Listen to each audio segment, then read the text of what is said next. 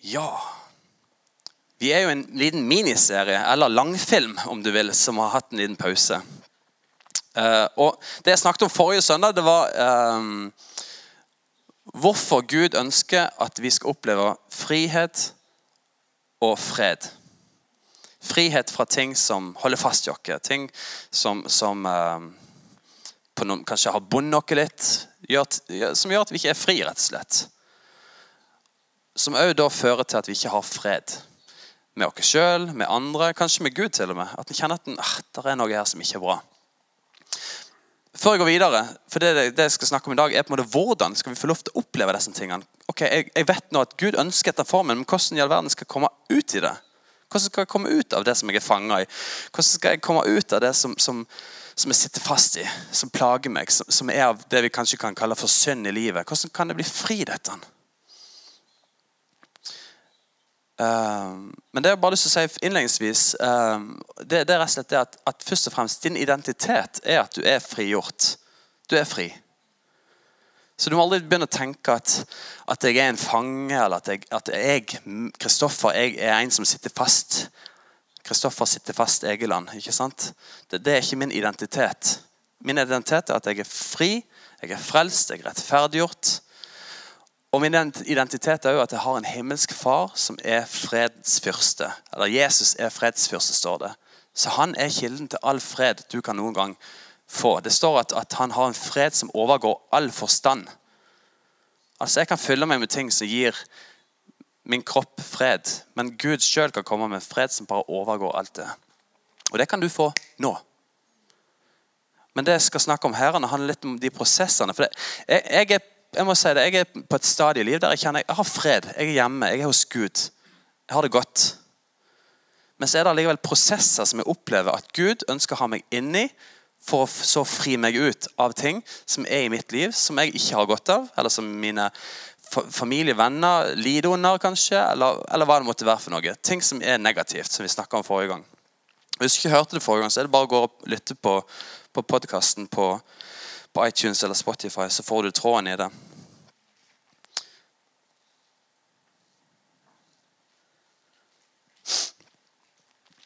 Kanskje jeg vet ikke, men kanskje det er noen her i dag som har blitt bevisst over en ting i livet sitt fra sist gang. Uh, forrige gang, eh, mot slutten av møtet, så gikk, gjorde vi noe som, som jeg syns var I utgangspunktet var litt sånn kjekt, men det kjente etter hvert at oi, det her ble litt spesielt. Uh, så jeg merka bare Gud var veldig i det. da. Det var veldig spesielt. Ehm, men det at, at, folk fikk muligheten til å skrive på en lapp ting som de opplevde var vanskelig. Som de sleit med, eller sitter fast i, eller skulle ønske var annerledes. Eller som plagde de. Og, og Vi på en måte satte opp på ei tavle her borte, og vi satte opp korset her fordi vi lever i nåden. Og så har vi fått av Guds ånd når vi er født på ny. ikke sant? Og åndens frukt det er fred, det er kjærlighet osv. Det står i Galaterne 5.22. Eh, så er det kanskje noen da som på en jeg vet ikke, eh, allerede kanskje har vært i noen prosesser, men kanskje nå kjenner bare oi, nå er jeg på vei inn. Nå, jeg, nå er det et eller annet som har blitt lyst opp i mitt indre. Her er det noe som nå begynner å jobbe. Og For å si litt enkelt, så er det, det er sånn Den hellige ånd funker. For det er det, Den hellige ånd gjør. Det er han som overbeviser om synd. Det sier Bibelen. Min oppgave er ikke å si at, at Glenn, det og det og det er feil i ditt liv. Det må du endre. Jeg kan, jeg kan, gjøre det. Jeg kan si det som en venn, som en mentor, hvis vi har en relasjon som er sånn, men jeg kan ikke overbevise han om det. Da begynner det å bli manipulering. Men hvis jeg kan si en sannhetens ord, så er det Den hellige ånd som lyser opp igjen. og at, oi, her er det noe.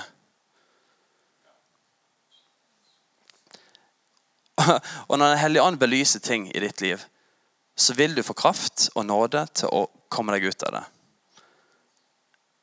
Hvis noen kommer til deg og sier at dette, dette er feil, det må du slutte med, og du kjenner bare et, en, en, byrde blir lagt på deg at å, dette, ikke, dette, må jeg slutte med, så tar du på deg noe som kanskje ikke Den hellige ånd ønsker å jobbe med deg nå. Det er for sånn prosess jeg har opplevd sjøl. Eh, jeg må begynne å bli flinkere til det. Jeg må slutte med det. Du går på en måte inn i det her religiøse lovsettet som sier at vi må være sånn, vi må gjøre sånn, vi må gjøre det. Jeg må slutte med det, jeg må slutte med det. Det er ikke Guds vilje. Det er ikke frihet. det er religiøsitet. Men Gud ønsker å frigjøre oss gjennom sin ånd. Så Den hellige ånd han overbeviser oss om synd, og Den hellige ånd det er han som gjør det i oss òg. Det står i 1. Peter 1,2 at det er Den hellige ånd som hjelper oss til lydighet. Og Det er det dette handler om. At jeg skal bli lydig innenfor Gud. Jeg er frelst. Gud elsker meg. I hans øyne så er jeg perfekt. Men jeg kan likevel leve i ulydighet mot Gud. I min umodne babykristne hverdag, der jeg ikke har kommet lenger, så ønsker Gud at vi skal vokse opp og bli voksne, sterke. Som klarer å, spise litt mer enn morsmelk. Som klarer å bli sunne, begynne å få muskler, vokse til, bli sterke, kan utrette noe i Guds rike. Det er en hellig ånd som skal gjøre. Så han skal føre oss til vekst. Så det var bare en liten sånn innledning, da. Men vi kjører på med et vers fra Jeremia 17, 7-8, og vi får det på veggen òg. Og Der står det Velsignet er den mann som stoler på Herren, som har satt sin lit til ham. For han skal være lik et tre plantet ved vann, som strekker sine røtter mot, eh, mot bekken, og som ikke frykter når heten kommer, men som alltid vil ha grønne blad, og som ikke engster seg i et år med tørke, og som ikke holder opp med å bære frukt. Altså Velsignet er den mann som stoler på Herren og har satt sin lit til Han. Han skal være som et tre som blomstrer, bærer frukt. På tross av et år med tørke, trengsel, utfordringer, skilsmisse, død, nederlag, økonomiske kriser, så bærer han allikevel frukt. Fordi at røttene strekker seg ned mot Gud og suger opp livskraft. Da kan vi stå Gjennom ett år med tørke, gjennom ti år uten bønnesvar, gjennom 20 år med lidelse. Gjennom et liv til døden så kan vi stå planta i Gud og rope halleluja. For vi vet at den dagen jeg kommer hjem, så er det fred. Fullstendig fred. Den dagen jeg kommer hjem, så er det verdt alt sammen. Yes, Vi bare ber litt. Herre Jesus, jeg bare takker deg, Herre, for uh, det verset vi nå, leste nå. Det her med at at vi faktisk kan være planta i deg, Jesus. At vi kan, eh, litt billedlig forklart, drikke av ditt vann, Jesus. Som gjør at vi kan vokse, at vi kan holde ut når det er vanskelig, Jesus. Og allikevel midt oppi alt, Jesus, kan vi kjenne, at, kjenne glede, kjenne liv, kjenne håp for framtida, Herre Jesus. Fordi vi er kobla på deg, Herre. Takk for at du er lov til å være med, Jesus. Og jeg takker for at at du aldri vil svikte oss, Jesus. Og jeg takker for at det er ingen fordømmelse for den som tror på deg, Jesus. For den som er i deg, Jesus. Og jeg takker for at du eh, det er du som skal gjøre det. Det er ikke vi som skal gjøre det. Vi skal ikke inn i noen religiøse tankesett, Herre, men, men, det er virkelig du, Gud, som skal gjøre de her tingene i oss, Jesus. Takk for at du har fred. Takk for at du har frihet for oss alle sammen. I Jesu navn. Når jeg var eh, ja, ti, ti år, kanskje, slutten av barneskolen så eh, Jeg hadde en god, veldig god venn som hadde igjen barneskolen og ungdomsskolen, og, og, som jeg fremdeles har kontakt med. Han bor ikke her i, i Flekkefjord i dag, men, uh, men, vi er fremdeles gode venner. Vi har fulgt hverandre veldig lenge. Og han hadde tillit til meg. Dum som han var. Nei da.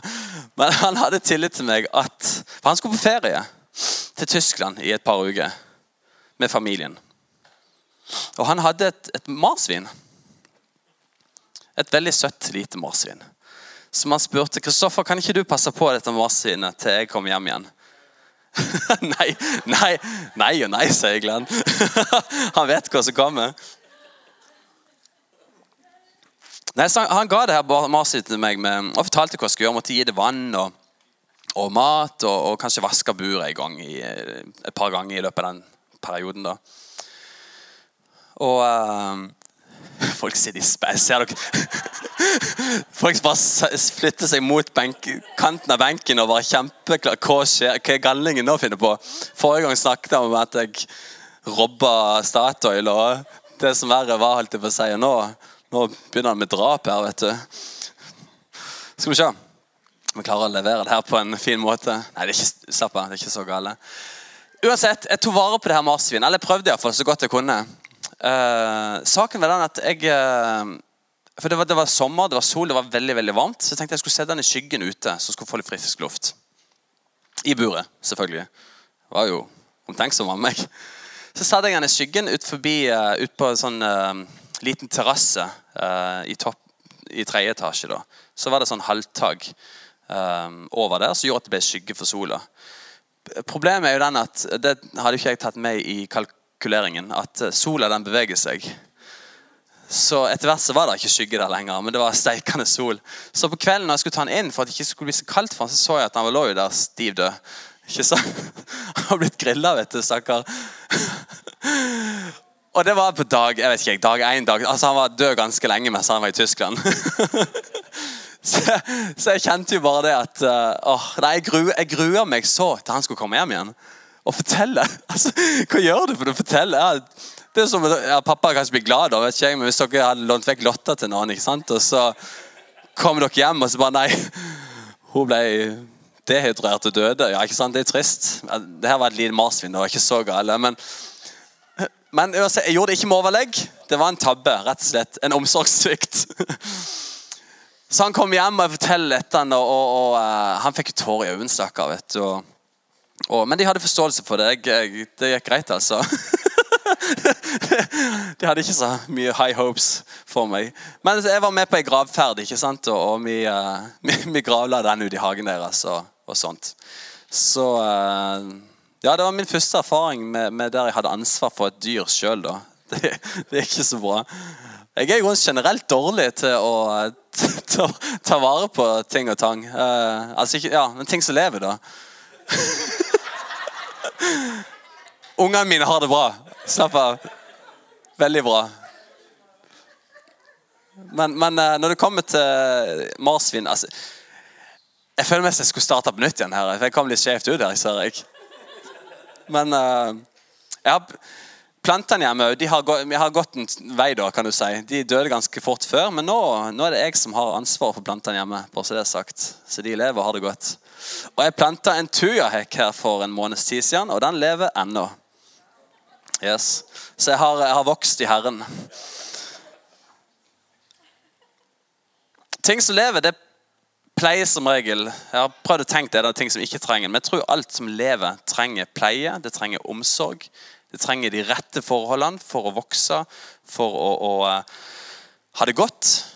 Og kanskje for å forplante seg videre. Så trenger det ingredienser i sitt liv som gjør at, at det vokser, at det blir godt. Og, og sånn er det på en måte med, med med oss òg. Vi tar vare på oss sjøl. Vi spiser mat. Vi lar være å spise mat eventuelt. Vi, uh, vi går, uh, tar i oss medisiner hvis vi trenger det. Altså, vi, vi behandler oss sjøl for at vi skal ha det godt. Vi går turer, vi sover godt nok. Eller jeg gjør ikke det for tida, men vi sover for at vi skal ha uthvilt. Vi trener kanskje for å bli sterkere. Vi setter i gang tiltak, og vi har vaner som, gjør, som vi har i livet for at vi skal ha det godt. Og på samme, akkurat samme måte så er det med vår ånd òg. For det som skjer når du tar imot Jesus, det vil si når du tror på Jesus og ønsker å følge han som, ditt, som din herre i ditt liv, så sier Bibelen at vi blir født på ny. At det er et nytt liv som begynner å vokse.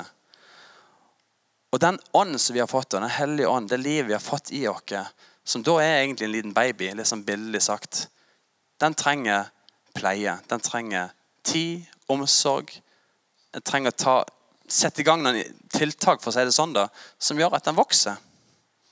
Jeg har sagt det her noen ganger før, og mange her har sikkert hørt det før. òg. men for meg er det bare et veldig veldig godt bilde på, på, på det her med vekst. Eh, for når, når, vi, når vi venter vår første gutt Benjamin han er seks år nå. Har det fint. Jeg klarer å ta vare på han. Uh, når han var i magen til, til Stine i uke Nei, ja, uke kanskje 30-34, det var en måned igjen før, uh, før fødsel, før termin, så um, var Sine på en ultralyd, en oppfølging. Og så viser det seg at, at den vekstkurven, som det heter det, De måler forskjellige mål for å finne ut om barnet på en måte vokser, om det er naturlig så begynner den, å, den skal egentlig gå sånn. De blir større, de blir lengre, de legger på seg, og de vokser. Så begynner den å flate ut. Så på en måte Statistikkene som man egentlig skal følge, de fortsetter oppover, mens hans kurve begynner å flate ut. Og jordmora blir ikke nervøs sånn, men hun sier dere må komme igjen om, om ei uke. Kom igjen og ser at den fremdeles der, den går ikke oppover. Han, den har stoppa. Så hun begynner da å bli litt sånn ok, vi må ta regelmessige tester, så vi vurderer å sette i gang fødselen tidligere. For at, uh, kan ikke, Han kan ikke ligge i magen din for lenge nå. for Hvis ikke barnet får næring, så kan det dø. Så Vi hadde tett oppfølging, og han ble født. Han ble født ganske tynn. Men, men, alt var fint, alt var vel. Og antagelig var det bare noe i forbindelse med morkake eller et eller annet som gjorde bare at han fikk all den næringa som han trengte. Men det gikk bra.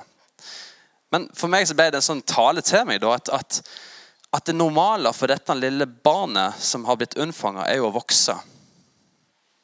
På samme måte som meg og deg, vår ånd, vårt kristne liv. da.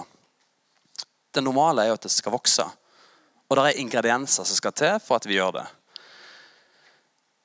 Og Jeg snakka om det her for et par, par taler siden. Uh, i forhold til at, at, at, jeg tror vi har gått, og jeg tror det er viktig at vi av og til sjekker hvor er jeg henne nå kontra jeg var for fem år siden. Vokser jeg fremdeles, eller har, har jeg stagnert, eller er jeg på vei nedover? Hvor, hvor er jeg henne i mitt liv med Jesus? Det naturlige er at vi vokser. Og Nå kommer jeg litt inn på det som har med men ok, Hvordan skal jeg da oppleve å vokse meg? Hvordan skal jeg oppleve å bli fri fra ting? Hvordan skal jeg oppleve, hvordan kan jeg starte det her prosessen som gjør at Den hellige ånd da begynner å lære meg å være lydig innenfor Gud? Hvordan kan jeg gå inn i disse prosessene som gjør at jeg opplever at ah, nå blir jeg satt i fri fra dette som binder meg? Nå blir jeg satt i fri fra dette som gjør at jeg ødelegger relasjonen med, med kona mi? Nå blir jeg løst fra dette som gjør at jeg taper penger? Det kan være forskjellige ting vi har i livet som er ødeleggende for oss. Og vi kan nesten kjenne litt sånn avmakt. At dette klarer jeg ikke sjøl. Dette er meg. Og det farligste du gjør, er å si at ja, men jeg er bare sånn. Ja, det er en løgn. Du er ikke sånn. Du er en ny skapning i Jesus, og han er ikke sånn. Og Det er jo derfor Den hellige ånd bor i oss. Vi skal både vokse og bli mer lik Jesus. Vi skal vokse og begynne å gjøre de tingene Jesus gjorde. Og, og Da er det på en måte to punkter som jeg har. Og Det ene punktet kan vi få opp nå. Det er to punkter som, som er på en måte viktig for at det hele tatt skal kunne være en grobunn for at disse prosessene skal starte. Og Den ene det er å være planta i Gud. Og Da står det i Jakobs brev 4,8.: Hold dere nær til Gud, så skal Han holde seg nær til dere. Altså relasjonen med Jesus. Og hva vil det si rent praktisk? Noen som har noen tanker? Samantha, du har en kjempegod tanke. Hva vil det si for deg å holde en relasjon med Jesus i hverdagslivet? Hva skal til for at du klarer å gjøre det? Prate med han og bruke tid. Ja. Andre? Christer, hva gjør du for noe? Bønn? Nydelig. Niklas?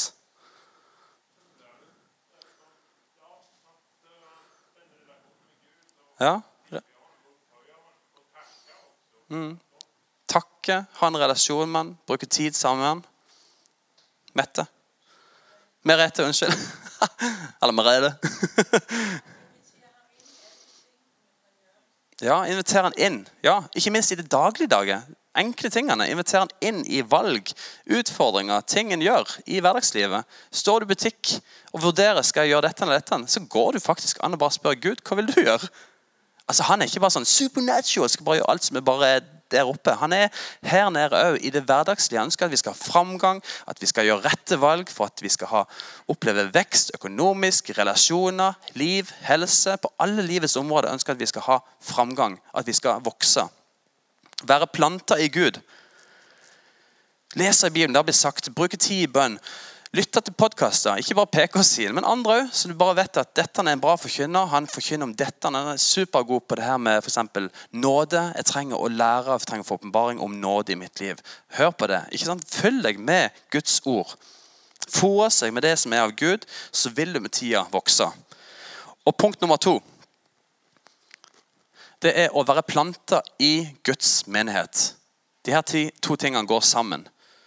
Og Da står det i Salme 92, 13-14.: Den rettferdige skal spire som et palmetre, og han skal vokse som seder i Libanon. Det er litt fremmed for oss, men det betyr at vi skal vokse. ikke sant? Og står det videre De som er plantet i Herrens hus, skal spire i vår Guds forgårder. Altså den som er planta i Herrens hus. Det blir mest det samme som det å være planta i Gud. Men på en måte, Bibelen lærer oss det at, at eh, menigheten er som en kropp. Og at Jesus han er hodet. Og at vi er kobla på dette. Alle har forskjellige roller, egenskaper, personlighetstyper som utfylles og gjør at vi har forskjellige oppgaver og roller på denne kroppen. Og um,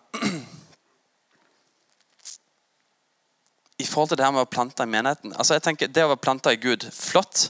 Går det an å være planta i Gud uten å være planta i en menighet? Går det an å på en måte høre til Gud, ha et fellesskap med Gud uten å være i en menighet? Ja, Det går jo fysisk an, men det er unaturlig. Går det an å være i en menighet uten å være kobla på Gud? Ja, men det er jo unaturlig. Går det an at jeg har ei hånd som henger på min kropp, men som ikke lever og ikke fungerer? Ja, det, det går. Han er der, men han er ikke så nyttig av seg. ikke sant? Han henger der. Og den armen den kan òg være på en måte Den kan òg være av kroppen. Men det ser kanskje enda verre ut. Altså det, det, er så naturlig å være kobla på en kropp som hører til Jesus, som får signalene fra sentralnervesystemet og lever, fungerer, er kobla til, har liv, har kraft, har muskler. Det går i ett å være planta i Gud og være planta i menigheten. Kjempeviktig utgangspunkt. Og Hvis du planter en menighet,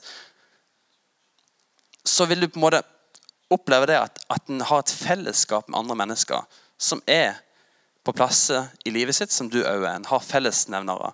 Du vil òg ha mennesker som har kommet lenger, og du vil ha andre mennesker som har så vidt starta, og kanskje ikke starta i det hele tatt. Det er et spekter av forskjellige typer mennesketyper. Men det som er så nydelig med å være kobla på en menighet, er at vi kan oppmuntre hverandre, vi kan bære hverandres byrder.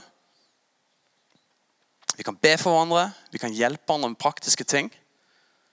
Og så vil det òg være ledere, mennesker som Gud har satt inn, som skal undervise, som skal rettlede, som skal oppmuntre, som skal utruste de hellige.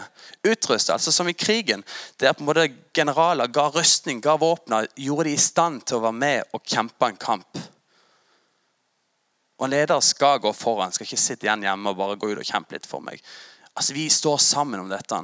Så det å ha et fellesskap med Gud, pri 1, og å ha et fellesskap med andre kristne i en menighet, er òg kjempeviktig. Og de går sammen, disse to.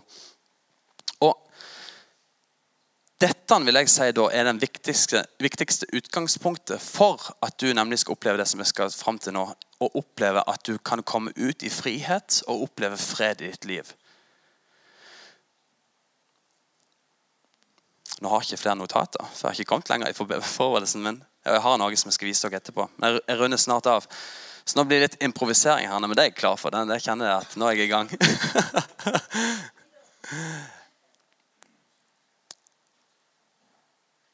For min del, i hvert fall, så er det sånn at når jeg bruker tid sammen med Gud, så kjenner jeg at jeg blir inspirert.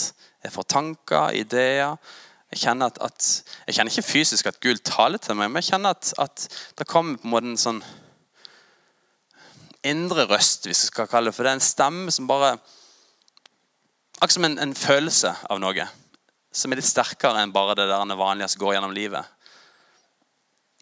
Og Som jeg nevnte forrige tale, så, så har jeg gått gjennom en prosess nå som jeg fremdeles er midt i. Der jeg opplever at Gud har belyst et område i mitt liv i forhold til det med temperamentet som jeg egentlig ikke trodde jeg hadde. Andre har sikkert sett det. Jeg har snappa litt, sagt det noe skarpt. Eh, jeg vet når jeg var liten, så hadde jeg et ganske heftig temperament. Men tanken da var nesten bare at det skal vi bare det må vi, det, det må vi ikke ha noe av. ikke sant? Og det er kanskje litt sånn som vi mennesker generelt er. At Hvis det kommer unote, så skal vi bare presse det vekk. Rent sånn åndelig sett så blir det religiøsitet. ikke sant? At nei, Det må vi bare skjule på en eller annen måte. Den bare lader som på en eller annen måte. Men Gud ønsker jo å se dere virkelig fri for disse tingene. Og på min, på min, min opplevelse her da var jo at jeg rett og slett bare fikk denne fornemmelsen, feelingen med at bare Gud kommer bare Nå skal vi begynne å jobbe med dette. Og da så jeg bare Hæ? Hvor svak og, og, og ynkelig og på en måte hvor, hvor mange Ikke sånn at Gud bare er så mange feil og mangler du har, men samtidig så jeg bare åh, hvor, her, her har jeg ingenting å komme med, Gud. Jeg trenger virkelig at du hjelper meg. Herrene. Og det som er så nydelig når du får denne starten da, med at du ser det, er at gjennom hverdagen, da, når disse tingene eventuelt popper opp, der en da forsnakker seg, sier noe du ikke burde sagt, så er Den hellige ånd der med en gang og minner deg på bare Der kom det ei unota. Og da har jeg et valg. Å overse det eller gjør noe med det. Og å gjøre noe med det i dette tilfellet handler om at ok, da må jeg ydmyke meg, og jeg må be om tilgivelse. Og Gud elsker den prosessen. For da vil jeg arrestere altså, Det er på en måte sånn du vokser, da.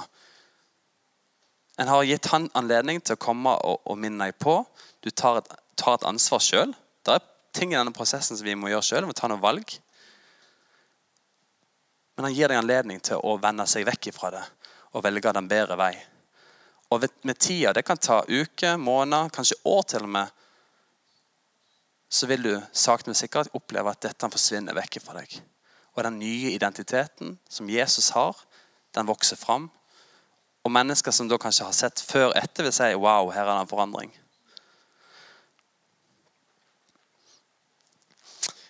Jeg skal ta fram den her whiteboardet her.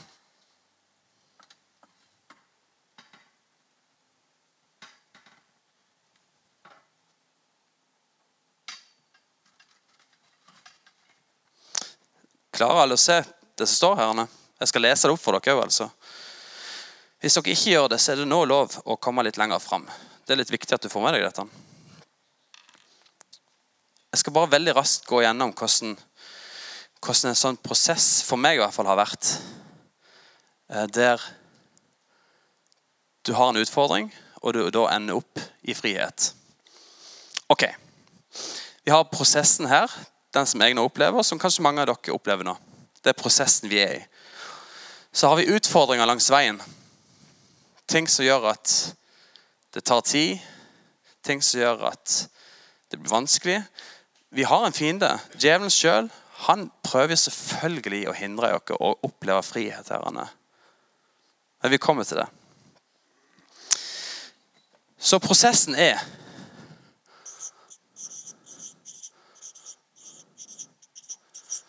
Åpenbaring. Det begynner med at du får en opplevelse, en fornemmelse, at her er det noe. Som vi snakka om i begynnelsen. Ikke at noen kommer og retter religiøse pekefingre på deg. at nå må du skjerpe deg, må ta deg sammen, slutt med det, slutt med det, begynn med det. Men en indre åpenbaring med at Gud kommer med sin ånd og bare lyser. Her har vi en sak vi skal jobbe med. Kristoffer. Så Det begynner med åpenbaring. og Det står i Johannes 16,8, som vi leste innledningsvis, at, at det er Den hellige ånd som skal vise oss, åpenbare oss om synd. Skal vise oss hva vi skal jobbe med. Utfordringen, da, det er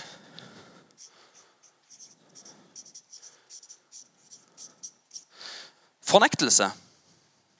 Nei, jeg har ikke et problem. Det, nei, det er du som har feil. Det er du som har fått såra følelser. Det er du som er for jeg har, jeg har rett. Altså Stolthet kom inn. Jeg fornekter det. Eller faktisk som kirke i dag gjør. Ok, her er det et voksende synsproblem. Ok, Vi velger istedenfor å si at dette er feil, så velsigner vi det. Sier Gud ønsker dette. Kjempebra. Det er jo en fornektelse. I mitt liv så kan noen komme i denne prosessen og si at det og det og det. Jeg husker Arvid sa på kafeen, og det, det var helt rett, at Kristoffer, det du sa der, det var litt kvast. For dere som var på det møtet. Så sa jeg noe, og jeg var engasjert. Og jeg kjente at her Rett etter jeg sa det, bare ah, Filler'n heller. Der gikk jeg fem på igjen. Rett etter jeg hadde sagt eh, ja, Vi snakka litt på kryss og tvers. Jeg kjente bare ah, Feil igjen. Helligånden var bare på plass med en gang. Og bare Der kom det igjen. Og så kjente jeg bare det at ah, og jeg husker spesielt det var i forhold til Jonathan, for da hadde jeg bare avvist hans forslag. med å bare, blablabla. Typisk, altså Det er typisk meg. Hvis jeg mener at jeg har rett i noe, og når andre kommer med et forslag, eller et eller annet, og det er litt sånn der, det går litt fort i samtalen, så kan jeg fort bare bang, avslå det. Og det er jo unødvendig. Jonathan, så jeg ringte Jonathan rett etterpå og sa Jonathan, unnskyld. Og han bare ja, Det tenkte jeg aldri på. Helt greit ikke han kjente det, men jeg kjente at min vane, den skal jeg vekk ifra. Ikke sant? Så utfordringen er jo den at ikke fornekt det, men ydmyk deg og gjør noe med det. Det er første skritt.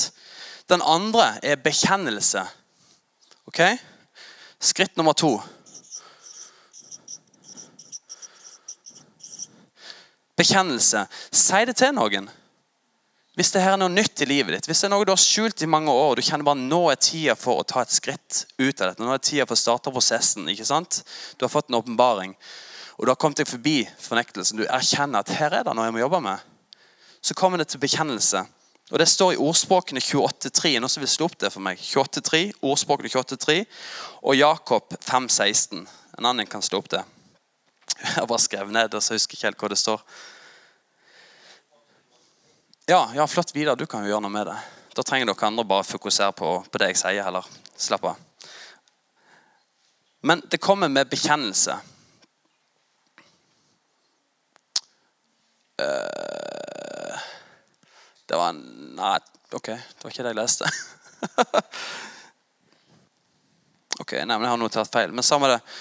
Uh, det står i hvert fall i Jakobs brev, så skriver Jakob at bekjenn for hverandre syndene, så skal du bli helbreda.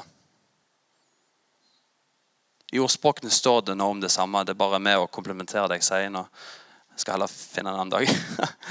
Men bekjenn for hverandre syndene, så skal du bli helbreda. Enten det er startskudd at du går til noen du har tillit til, noen som eh, leder deg, noen som du har tiltro til, noen som, som du kan fortelle ting, og si at 'jeg har et problem'. Bang, bang, bang. Sånn er det. Da har du bekjent. Da har du skapt noe. Da har du starta skuddet, og, og en er i gang. Det som kommer etter det, opplever jeg, eller utfordringen er for å forhindre Det djevelen prøver å gjøre for å forhindre dette, er å gi deg skam. Nei, men Det er bare jeg som sliter med dette. Nei, det, det, Dette kan jeg ikke snakke høyt om. Det, dette, dette, dette må bare ligge.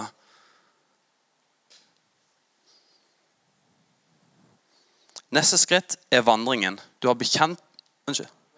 Ja, Nydelig. 28-13. Det var et tall som hadde falt ut. Nydelig, Vidar. Den som skjuler syndene sine, skal ikke lykkes. Men den som bekjenner og vender, seg fra dem, finner barmhjertighet. Så få det ut. Jeg er øyeblikk ferdig. Vandringen, altså prosessen Det er tredje skrittet. Å vandre. Og her er det du, Jeg har ikke bare ett bibelvers, for du må nesten bare lese noen brever. her, Men Paulus sitt forhold til Timoteus Paulus var som en far til Timoteus. Det står Han kaller han for sin sønn, til og med. Vandringen her er at du har noen du vandrer sammen med, rent fysisk. En åndelig far, åndelig mor, åndelig storebror eller storesøster, om du vil. Noen som har på en eller annen måte du opplever du ser opp til, som har noe å snakke inn i ditt liv til. Det kan til og med være noen som er yngre enn deg, som du bare merker at her er det en person som Gud har satt over mitt liv. Til å være med å inspirere, være med å få i gang disse prosessene. Vandringen. Åpenbaringen det er Guds ansvar. Det er ikke ditt ansvar. Da blir det religiøsitet. Det er Guds ansvar. Bekjennelsen og vandringen det er mitt ansvar. Jeg må bekjenne. Jeg må be om tilgivelse. Jeg må vandre. Jeg må ta kontakt. Jeg må vedlikeholde dette. Jeg er nødt til å se det av tid og prioritere. Det er mitt ansvar. Vandringen handler om den personlige relasjonen. altså Punkt 1 og punkt 2 som vi hadde. Det var planta i Gud det å planta i menigheten. Det som er utfordringen der, er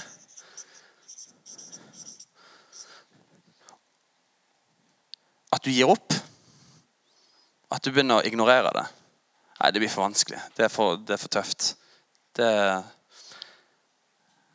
det nytter ikke. Jeg har slitt med det her så lenge nå. Apati. Eller at en ikke har punkt 1 og punkt 2 i orden at du ikke er planta i Gud, og du heller ikke er planta i en menighet. For Er du ikke planta i Gud, så jobber du ut ifra deg sjøl. Er du ikke planta i menigheten, ja, så vil du ikke bli slipt. Så vil du ikke treffe på mennesker som kan komme med guddommelige ord til oppmuntring, til befrielse. Du vil ikke ha ledere i ditt liv som kan tale sannhet inn i ditt liv og undervise deg. Siste punktet. Å vokse. Og det er ikke ditt ansvar. Da blir det religiøsitet. Du tar på deg en maske. Jeg har kommet så langt. Men det er Guds ansvar. Gud åpenbarer. Jeg skal bekjenne. Jeg skal ta vandringen. Men Gud skal vokse, gi det vekst.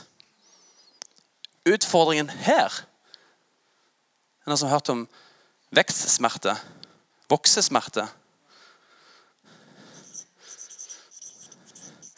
For når du begynner å vokse, rent åndelig sett, så er det ting som begynner å dø. Så er det ting du etterlater. Så er det ting du vandrer ifra. Og det kan gjøre vondt. Bibelverset på å vokse er fra Korinterbrevet når Paulus sier at Apollos han, eller jeg vanna, Apollos gjorde ditt, men det er Gud som, gjorde, som gir veksten. Men smerten i denne prosessen kan faktisk gjøre at folk Nei, jeg orker ikke. Jeg klarer det ikke. Jeg mister meg sjøl, eller uh, jeg, jeg mister venner, kanskje. Uh, kollegaen på jobb syns jeg det, det, er ikke gøy å henge med lenger, for jeg er ikke, jeg er ikke den som snakker drit lenger. Altså, det kan være så mange elementer her. Men veksten kan være smertefullt. Men det er i hvert fall sånn jeg opplever uh, det her med å vokse ut av ting som binder, ut av ting som låser meg fast, og komme inn i frihet, og da få fred.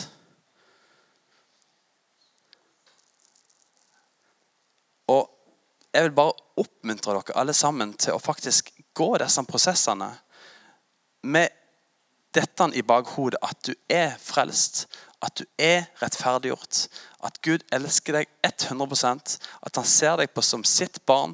Han elsker deg overalt. Han ga sitt liv for deg. Det er ingen fordømmelse for deg, for du er i Kristus. Men han ønsker at du skal vokse, bli sterk, bli sunn. Og innta nytt land i ditt eget liv, i ditt nabos, naboskap, i, i relasjoner med venner, familie, på jobb. Han ønsker at du skal være en erobrer. Og da må du gjennom disse prosessene. Med Guds nåde og Guds hjelp. Ikke gjennom religiøse ta deg sammen-aktiviteter.